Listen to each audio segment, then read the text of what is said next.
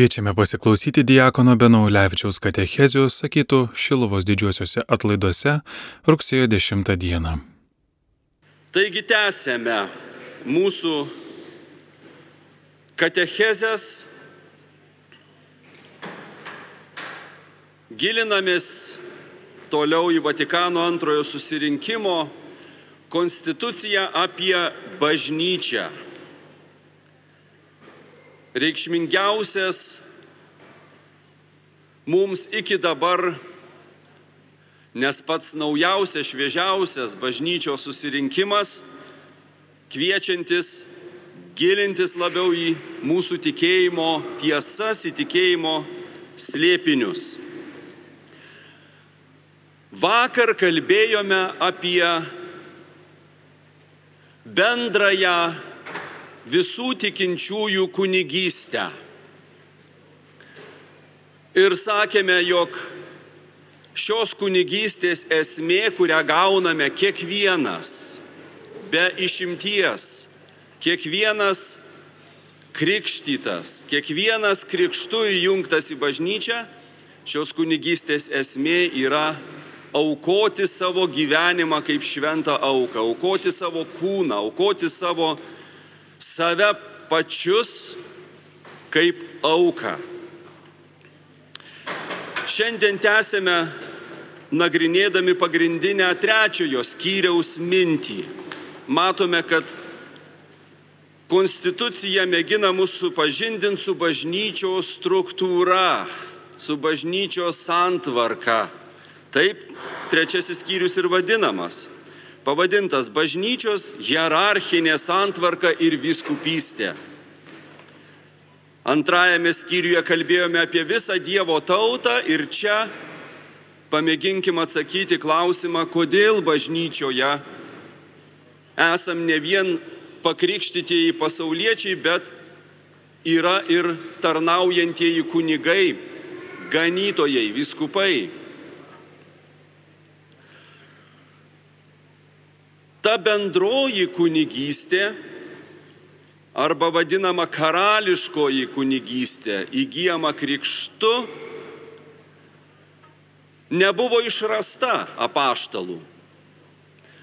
Apaštalai pats viešpats Jėzus buvo savo tautos sūnus. Jie buvo žydų tautos vaikai, gyveno ir skelbė gerąją naujieną pirmiausiai klausytojams, kurie buvo žydų tautos. Ir anuomet ši išrinktoji Dievo tauta taip pat suprato bendrąją kunigystę. Skaitome skaičių knygoje, kad Dievas sako Izraeliui, tu esi mano išrinktoji tauta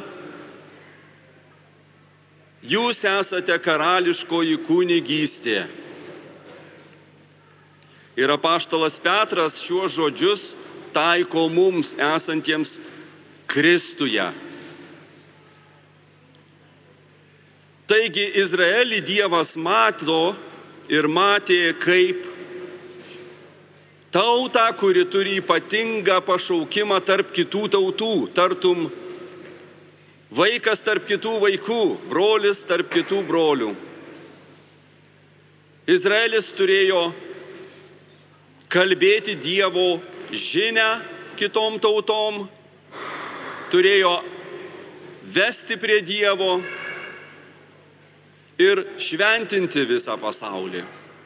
Išrinktoji Dievo tauta. Ir kiekvienas izraelitas turėjo šį kilnų pašaukimą.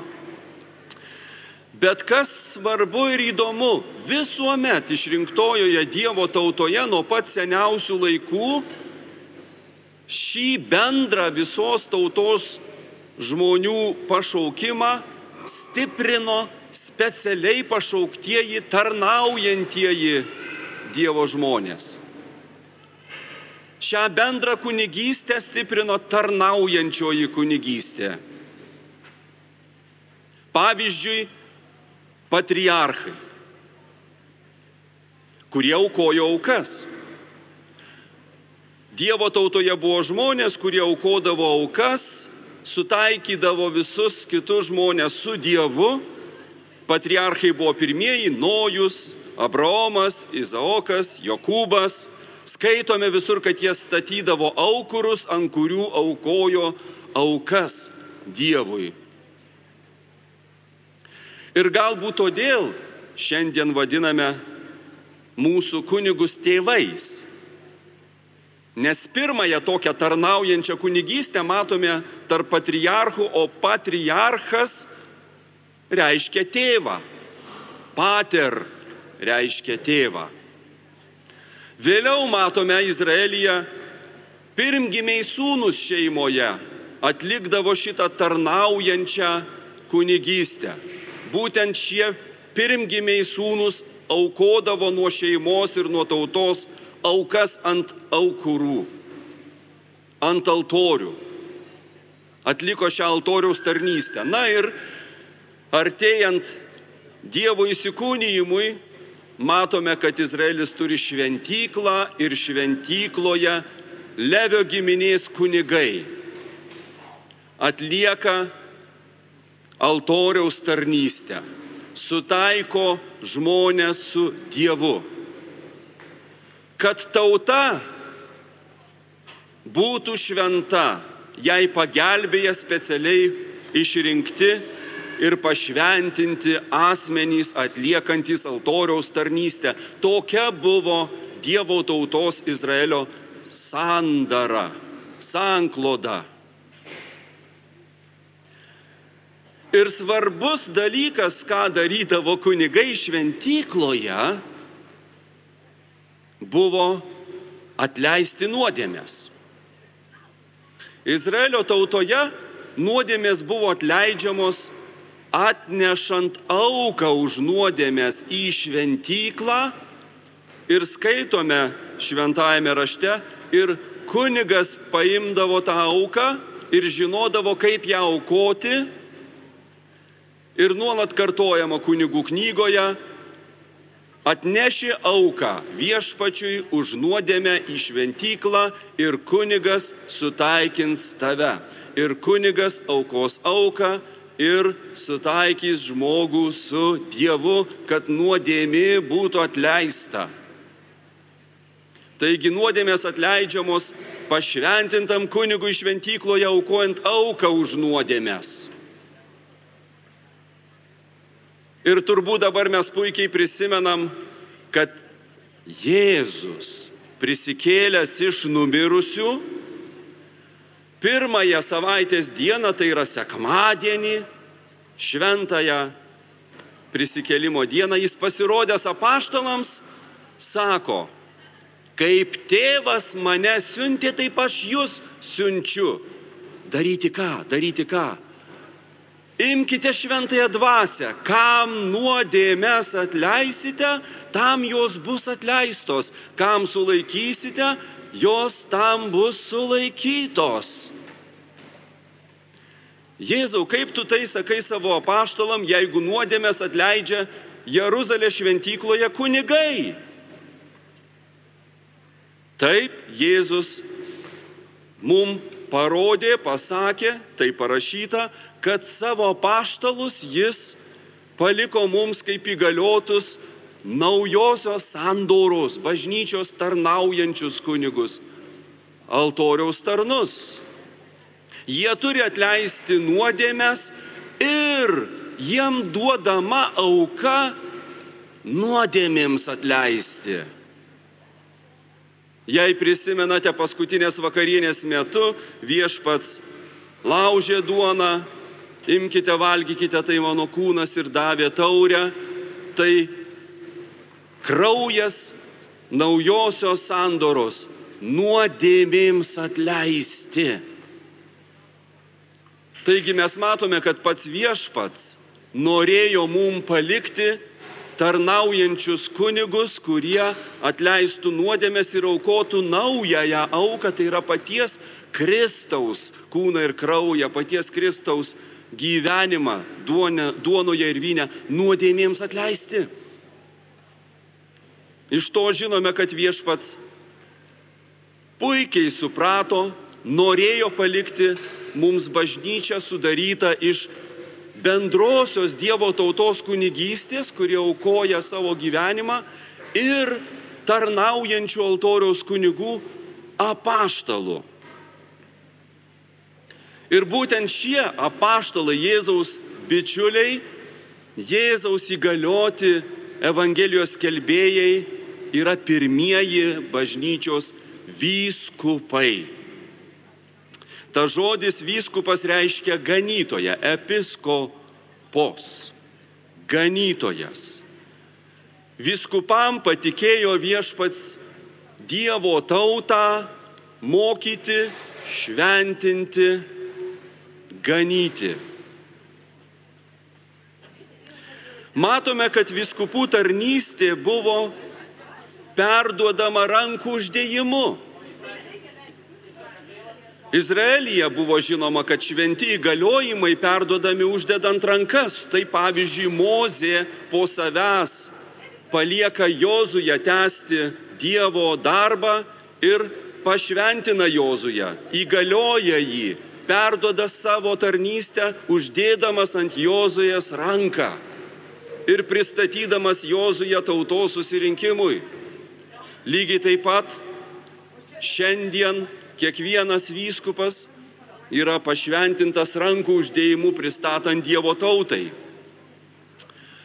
Kai Judas išdavė viešpatį, 12 virto į 11 ir apaštalai labai aiškiai suvokė, kad jiem suteikta šita gale. Vyskupystė, ganytojo įgaliojimus perduoti kitiem. Jie pasirinko porą kandidatų ir pasimeldę uždėjo rankas ant vieno iš jų. Apaštalų darbuose toje vietoje pasakyta, cituoju, juk jo tarnystę, tai yra judo prarastą tarnystę, turi perimti kitas. Paraidžiui, ten graikiškai sako, jo episkopystę, jo viskupystę turi perimti kitas. Taigi viskupai nėra bažnyčios išgalvoti vėliau, viduramžiais, dėl kokio nors patogumo, tai yra paties šventojo rašto paliktas žodis ir palikta tarnystė. Ir šią tvarką mes tęsėme. Taigi, mėginkime apibendrinti. Dievo tautoje, kur visi pašaukti būti karališkaisiais kunigais, tai yra aukoti savo gyvenimą ir savo kūną kaip šventą auką, Dievas įsteigė dar tarnaujančius kunigus, kad jų pagalbos dėka tauta būtų geresni kunigai, kad mes geriau aukotumėm savo gyvenimus. Tarnaujančioji kunigystė, viskupai, kunigai, jiem pagelbintys diakonai moko, šventina ir veda tautą artim prie Dievo. Ir trečiasis skyrius šitos konstitucijos apie bažnyčią taip ir sako, pacituosiu pirmuosius sakinius. Dievo tautai ganyti ir nuolatos gausinti viešpats Kristus savo bažnyčioje įsteigė įvairias tarnybas, skirtas viso kūno geroviai. Juk gavusieji šventąją galę tarnautojai iš tikrųjų tarnauja savo broliams. Įdant visi priklausantis Dievo tautai ir dėl to galintys džiaugtis tikruoju krikščionių kilnumu, laisvai ir tvarkingai žengdami į tą patį tikslą pasiektų išganimą. Jėzus Kristus, amžinasis ganytojas, įsteigė šventąją bažnyčią, pasiūsdamas apaštalus, kaip ir pats buvo tėvo siūstas. Ir jis norėjo, kad jų, tai yra paštalų įpėdiniai, tai yra vyskupai, būtų jo bažnyčioje ganytojai iki pasaulio pabaigos. Ir toliau sakoma, kad taip pat Jėzus įsteigė specialią tarnystę, viskupų tarnystėje apjungti ir vienyti ir mums visiems vienyti. tai yra šventojo tėvo tarnystė. Ir apie ją mes kalbėsime vakarinėje katechezėje. Bet matome, kokią bažnyčią paliko mums viešpats. Čia noris prisiminti, kad matome iš karto Evangelijose ir išpažinties svarbą. Jeigu Jėzus savo paštalam tarė, kam atleisite nuodėmės, tam bus atleistos, kam sulaikysite sulaikytos, akivaizdu, kad apaštalai turi žinot, kokios tos nuodėmės.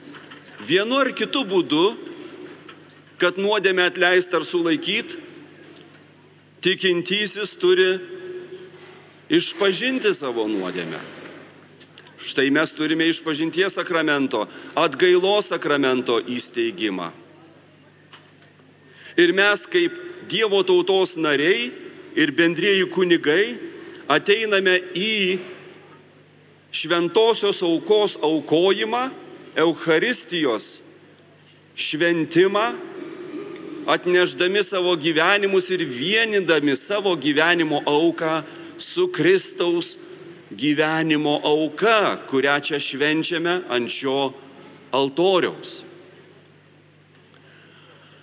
Ir kartais vis dėlto mus ištinka toks sumišimas. Tai kaip čia vis dėlto yra? Ar ne komplikuota ta tvarka bažnyčioje? Pirmiausiai mes sakome, kur du ar trys susirinkę Jėzaus vardu ten ir viešpat su jais, nes pats Jėzus tai pažadėjo. Ir ten nekalbama apie kažkokius pagalbininkus ir tarnus. Kiekvienas tikintysis, tikinčiųjų grupė, Jėzaus Kristaus vardu susirinkę viešpats yra tarp jų. Bet staiga lygiai grečiai Jėzus sako, kad bus tarnaujantieji kunigai įsteigti specialių pašventinimo. Kaip šitie du dalykai dera? Na, jie tiesiog rodo, kad bažnyčia yra tokia tikra ir turtinga kaip pats gyvenimas. Gyvenime tiek daug įvairių būdų veikti, tarnauti, gyventi. Labai panašiai Vatikano antrasis susirinkimas kalba apie Kristaus buvimą šventojoje liturgijoje, mišių aukoje, mišių šventimo, Euharistijos šventime. Pacituosiu išminties. Viešpats Jėzus vienaip, vienu būdu yra mūsų liturgijoje ten, kur du ar trys susirinkę jo vardu. Kitaip, kitų būdų jis yra, kai jo žodis skelbiamas. Dar kitaip, jis yra celebranto kunigo asmenyje, kai šis švenčia Euharistiją aukoja auką Kristaus asmeniu. Ir ypatingu būdu Jėzus Kristus yra duonos ir vyno pavydaluose. Taigi Jėzus paliko labai turtingą buvimą šventosios dvasios veikimą savo bažnyčioje Ir tai tik džiugina mūsų širdis. Jis nesileidžia įkalinamas ir yra turtingai savo bažnyčioje įvairių bažnyčios tarnyščių būdu, įvairių bažnyčios tarnyščių dėka. Vakariniai katechezėje išgirsime iš kur mes žinome, kad Jėzus labai aiškiai paliko švento tėvo, popiežiaus tarnystę. Bet šitoje vietoje gal pabandykime gražiai pamatyti, kaip mūsų viešpats Jėzus išpildė senasias pranašystės. Dvylika apaštalų ir septyniasdešimt mokinių Mes kažkur jau tai girdėjome. Mozė, išvesdamas tautą iš Egipto vergyjos, toje kelionėje paskyrė dvylika giminių vyresniųjų ir 70 klanų vyresniųjų. 12 Izraelio giminių ir 70 vyresniųjų. Ir Jėzus kaip naujasis Mozė taip pat subūrė 12 paštalų ir turi 70 vyresniųjų, 70 mokinių. Nes Jėzus išveda mus iš nuodėmės vergyjos, iš daug didesnės vergyjos. Taip pat Mozė kopdamas į kalną susitikti su Dievu vedėsi tris bičiulius, tris draugus. Du iš jų buvo broliai ir vienas buvo vyriausiasis kunigas Aaronas. Taip viešpats Jėzus, kopdamas į kalną, į atsimainimo kalną, vedėsi tris bičiulius. Du iš jų buvo broliai Jonas ir Jokūbas. Kas tuomet buvo trečiasis? Na, greičiausiai vyriausiasis kunigas. Štai mes mokomės skaityti Jėzaus įvykį senųjų šventųjų Izraelio įvykių šviesoje.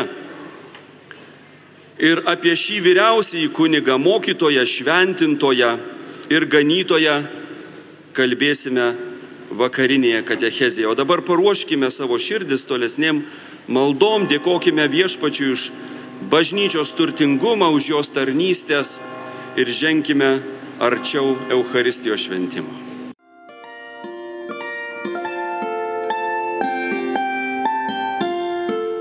Jūs girdite Marijos radiją.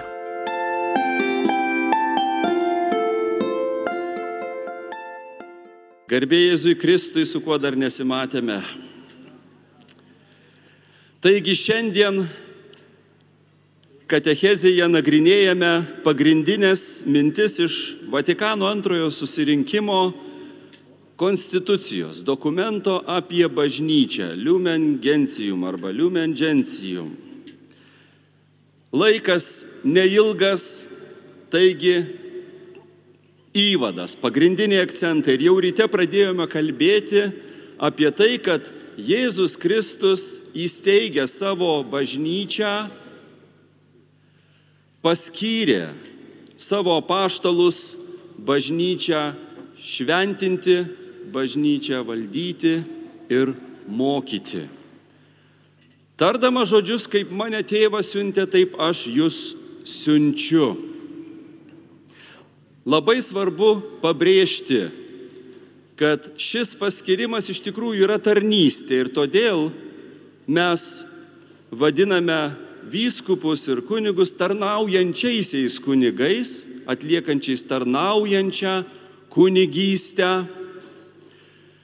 nes tos prakilnios pareigos šventosios dvasios gaivinamos yra skirtos tarnauti Dievo tautai.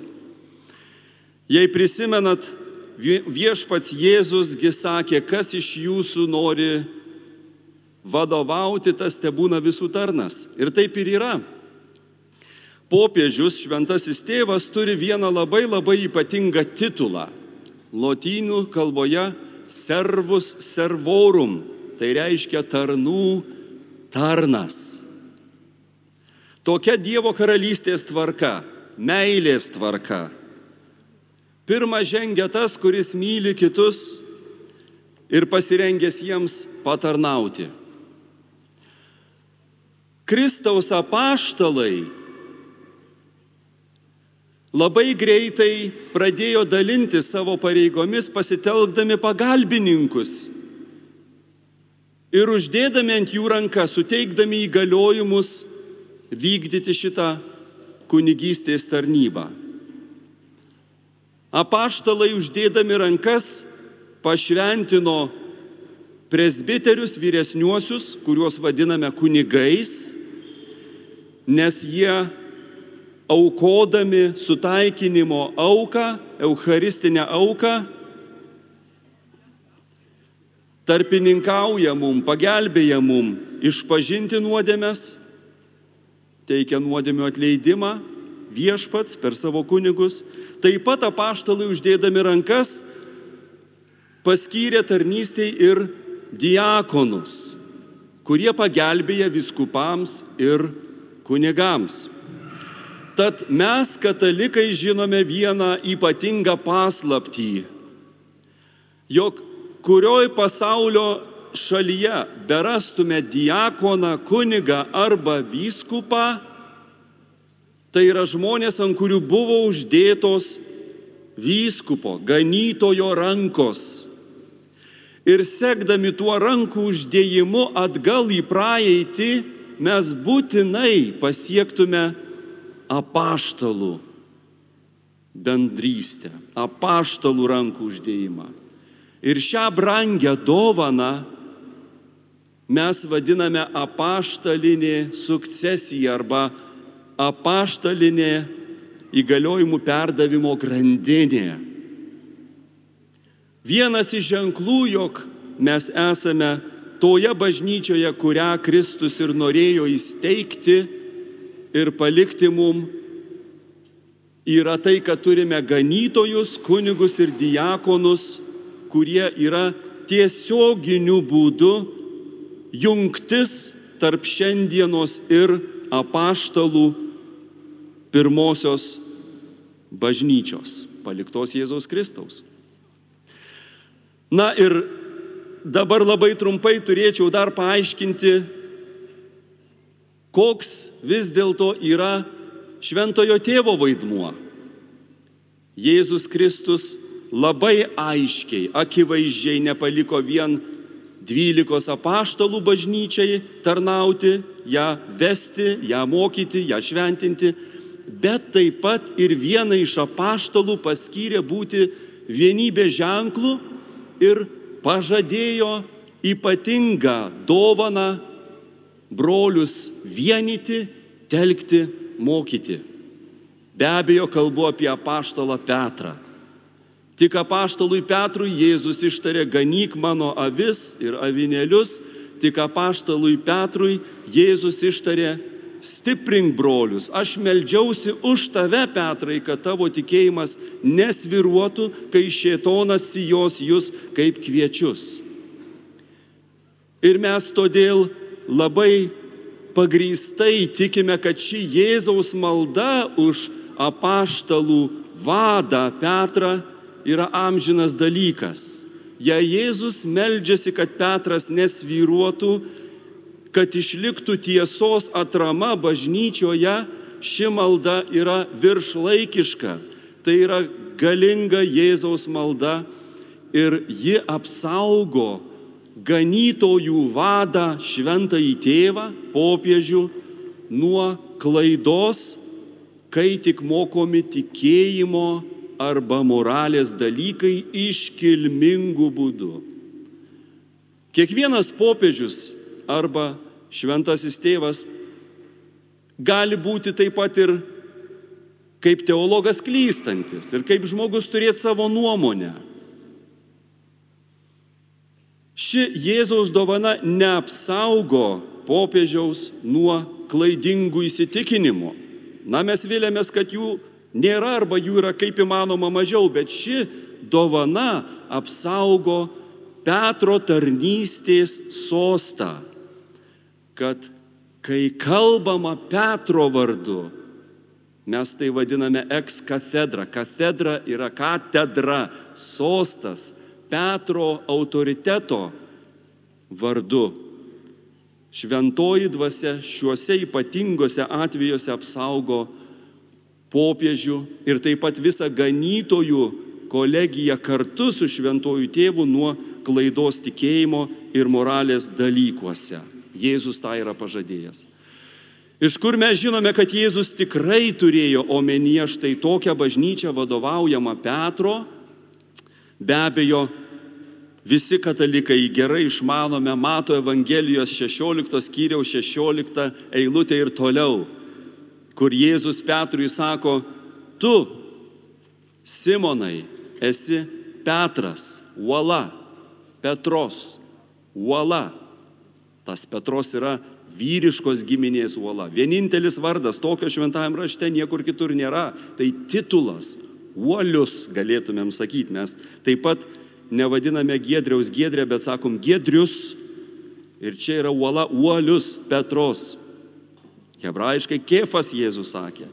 Tu esi uola ir ant tos uolos aš pastatysiu savo bažnyčią ir pragaro vartai jos nenugalės.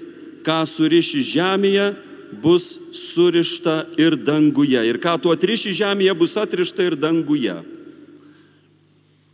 Ir nuo to laiko mes skaitome apie apaštalus jau ne kaip, kaip apie 12 apaštalų, bet visur sako Petras ir 11, Petras ir 11, Petras ir 11. Apaštalų darbuose, visur, kur apaštalai pasirodo, jų vardu kalba Petras.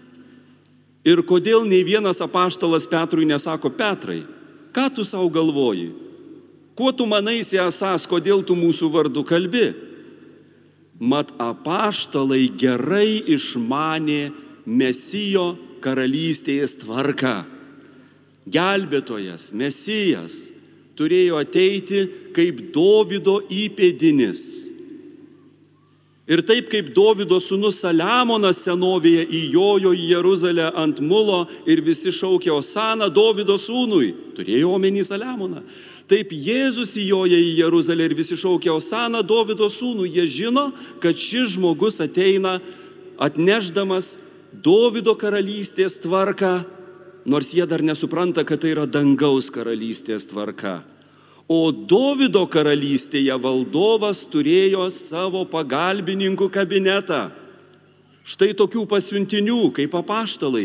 Ir vienas iš tų buvo vyriausias prievaizdas vyriausias ganytojas. Taigi Jėzus, kreipdamasis į Petrą, aiškiai naudoja žodžius, kuriuos randame Izaijo knygoje. Ir ten Izaijo knygoje kalbama apie Davido karalystės vyriausią prievaizdą, vyriausią ganytoją. Įsiklausykime, cituoju, Izaijo knyga. Viešpats sako, tą dieną aš pašauksiu savo tarną Eliakimą kaip tą prievaizdą. Apvilksiu jį tavo rūbu. Taigi rūbas, baltas drabužis. Alba, mes turime albą. Apjuosiu tavo juostą. Taigi stula. Ir perduosiu jam tavo valdžią. Jis bus kaip tėvas Jeruzalės gyventojams ir Judo namams. Tėvas, papa, popiežius, šventasis tėvas. Štai iš kur šis titulas.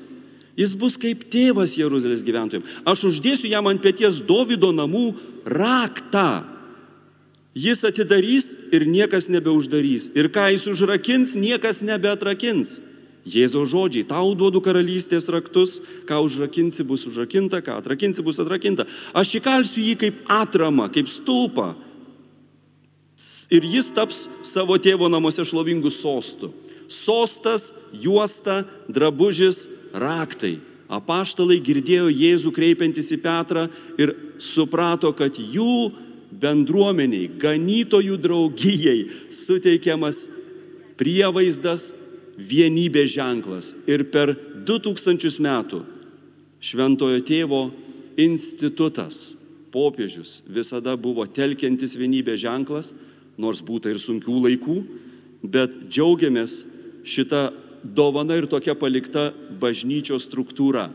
Tad tiek apie tą trečiąjį skyrių ir nepamirškime tęsti katechezės ir rytoj, ir poryt sužinosite dar daug įdomių dalykų, o dabar parenkime širdis tolesniem maldom ir šventų mišių aukai.